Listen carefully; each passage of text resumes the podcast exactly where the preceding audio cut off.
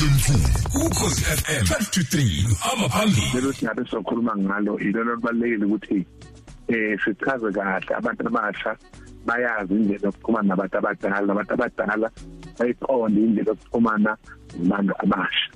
Mm, mana ke ngiyafuna nje ngaphambi singene kakhulu kuyona sisikubheka ukubaleka kokuthi umuntu omdala nomncane bekwazi ukufunana betholane bekwazi ukuxhumana ngoba content angithi kunezinto ezikumuntu omdala zomuntu omusha okufanele noma ehambe thuthuke esabalala ezifike emazweni apheshwa kelwandle kodwa ebe nezinto ayitholile kumuntu omdala okuyizona ayidinga neBhayibheli elikhuluma ngazo ezinye zaze ngathi inhlonipho. Ngeke yokuzona izulwane namzukulu nezimali azokuthi umuntu uma eh abantu bokufake abasebeziliwe ngalo abakusozi ukuthi uzwa kunokuthi elo ingekhaya mawuthi ngabantu labantwana manje ngayo yonke indlela ukuthi akabathola abantu ngobabalekile uma sebekhona abantwana kubalekile ukuthi bafundiswe ikhaya ukuthi liphathwa kanjani. Bafundiswe ukuthi umuntu ukuze angabhubhe semncane noma angashona semncane indlela yokuyiphatha yini. Ubani kowenza lokho? Umzali ngoba kuthiwa indlela ibuzwa kwabaphambili umzali okufunakala ukuthi ke atshala tshala akhulume nabantwana abachazele ukuthi uma sithisa impepho sikwenzelani lokho na? Uma namhlanje singezokushisa impepho sizokhuluma lapha ngamakhandlela sibe sikwenzelani lokho? Omunye uze noma eyozwa inkinga zasekhaya afuna ukuhamba nabo abantwana nabo benza ukuthi la ekhaya kwenzakalani? Wenze noma engasekho kodwa lezi ingane ziyazi indlela la ekhaya okuphilwa ngayo. Kokunye kuthiwa uma kuphakwa la ekhaya eh ukudla akungaqedwa konke.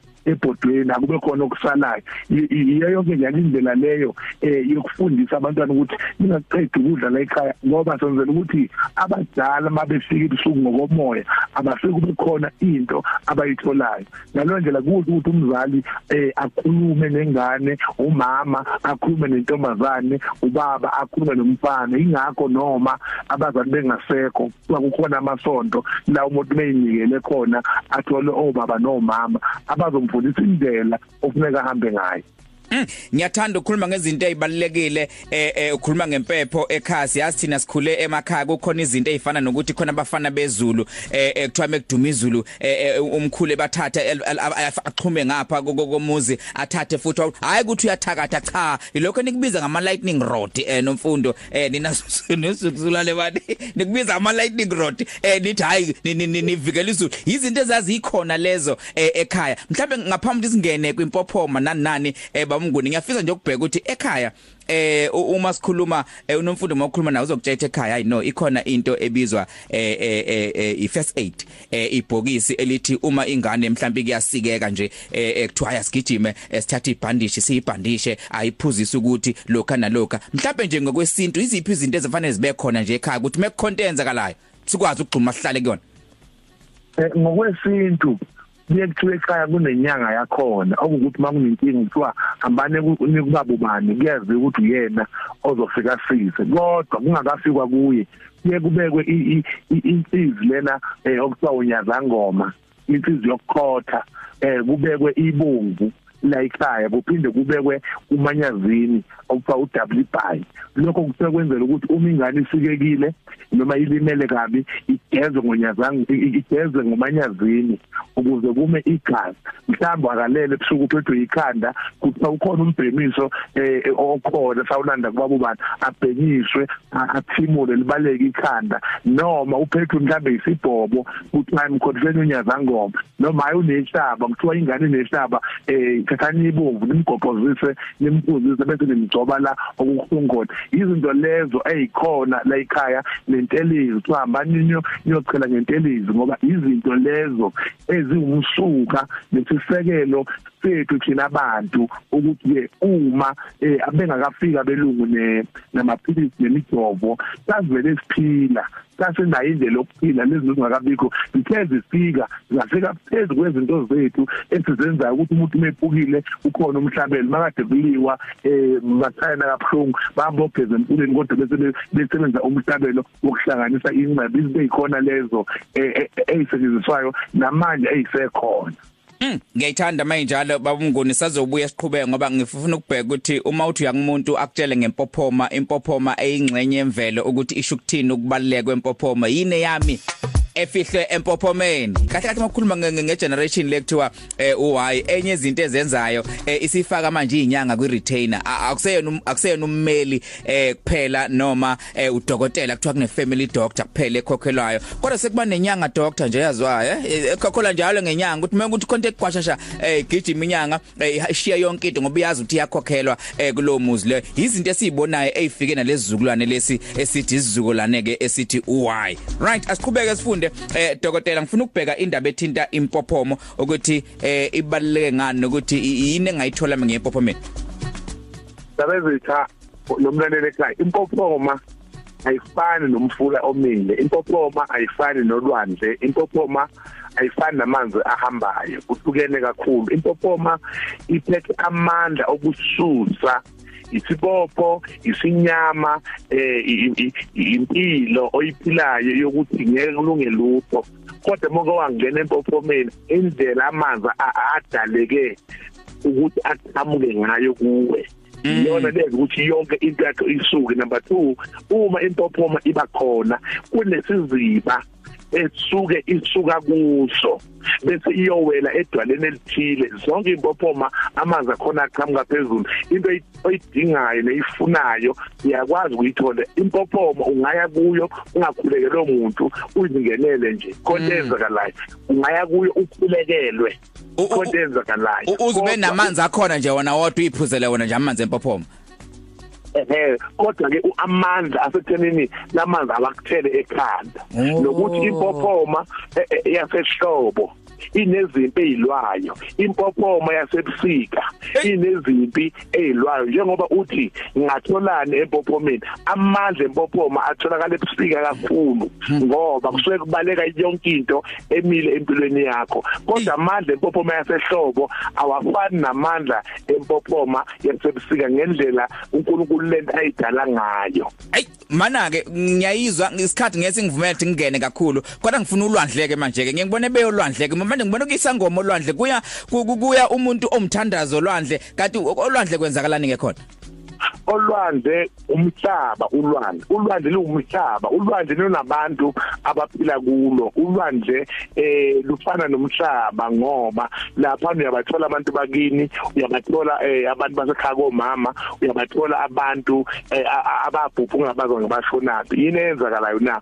Uma umoya womuntu ubuyela kuNkulunkulu umzimba ubuyela emhlabathini umoya awunayo indawo noma isiqu somuntu asanye indawo ngaphandle ukuthi siyohlala olwandle. Ingakho lithi iBhayibheli ngabona ulwandle olusha eh nomhlaba omdala usedlulile kodwa ngabona konke kukude okuchaza ukuthi izinto zethina mayithuma enyameni ziyawolwandle ingakho ke ubona izangoma ziyolwandle ziyokhuluma olwandle ziyophahla khona ngoba kunabantu abahlezi khona. Hayi ngoba ukhona umuntu owafela olwandle wakini chabo kodwa isiqu sakho nemvelaphi yakho kusolwandle.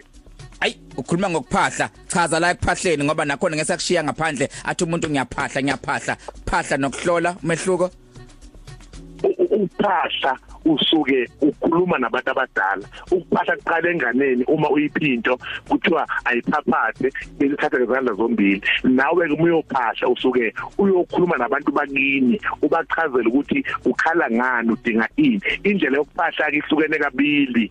Uma uzophahla ngokuthi wena umzulu ushipha impepho bese iyashunqa impepho uphashe kodwa uma uyithonga noma umshangana awuyisebenzisi impepho mawuphahla usebenzisa utshwala lokuthiwa injemane nogwayi lokuthiwa isnefu ugwayi wamakhala. Ngoba ukuphahla kwethu shena amazulu namaxhosa nabesuthu namashaka akufani. Ingakho izinto iphambana umuntu afuna ukuphahla ngendlela ongesiyo eyakhe abone kuphahlwa lapho naye aphahla kanjalo. Kuhlukene ukuphahla thina ngesikithi masiphahla siyaphansi kwesihlahla kodwa amazulu mayephahla ayendlini yangenza ayophahla khona ayokhuluma khona nabantu abadala. Ey mfethu eh, ngiyakuzwa. Eh, ngicela siphethe ngentaba ngoba ngengizwe kuhambe kuhambe bese kuba khona isimo sentaba esimeni somuntu omdala ekhuluma. Kanti entabeni kwenzakalani oba noAbraham phezulu kwentaba? Hey entabeni kaJehova kuyabonelela. Entabeni kuqala wawuthi makushona inkosi noma makukhotheme inkosi yayithathwa inkosi iyofihlwa entabeni. So entabeni kunamandla akhona. Uma umuntu engenawo umsamo uma umuntu engenalo idlozi lembhekile engenalo ikhaya ukhona into ozalwa engenakhaya. Bese kuthiwa kumele uyophahlela entabeni. Empa entabeni la khona khona imimoya yonke ngoba intaba iphezulu ekwazi ukubambeka khona. Mawukhuluma entabeni uphatha khona ushisa impepho khona ushisa ithumbe entabeni. Laba abantu abadala abangekho ekhaya abangenasizinzo abangazinzile bayakwazi ukusondela bezwe bezozwa ukuthi uthini number 2 uma unesilwane noma unomoya omubi ufuna mawulahle ungathi mawulahle ungene kubantu bala ekhaya ungathi mawulahla la egcekeni uphinde ubamba amanye abantu hambi entabeni. Uyowulahlela khona ukuze mawusubuya wena usuze ekhaya lesi simo esikuhluphayo sisale lapho. Kungabe ukuthi isimo esikuhluphayo uyasilahla la sesiphinda futhi sibambe omunye umuntu. Ingakho kuthiwa ke entabeni kukhona izinto nezisekelo ezenziwa khona ukulwisana nesimo osuke ubhekana naso ngaleso sikhathi.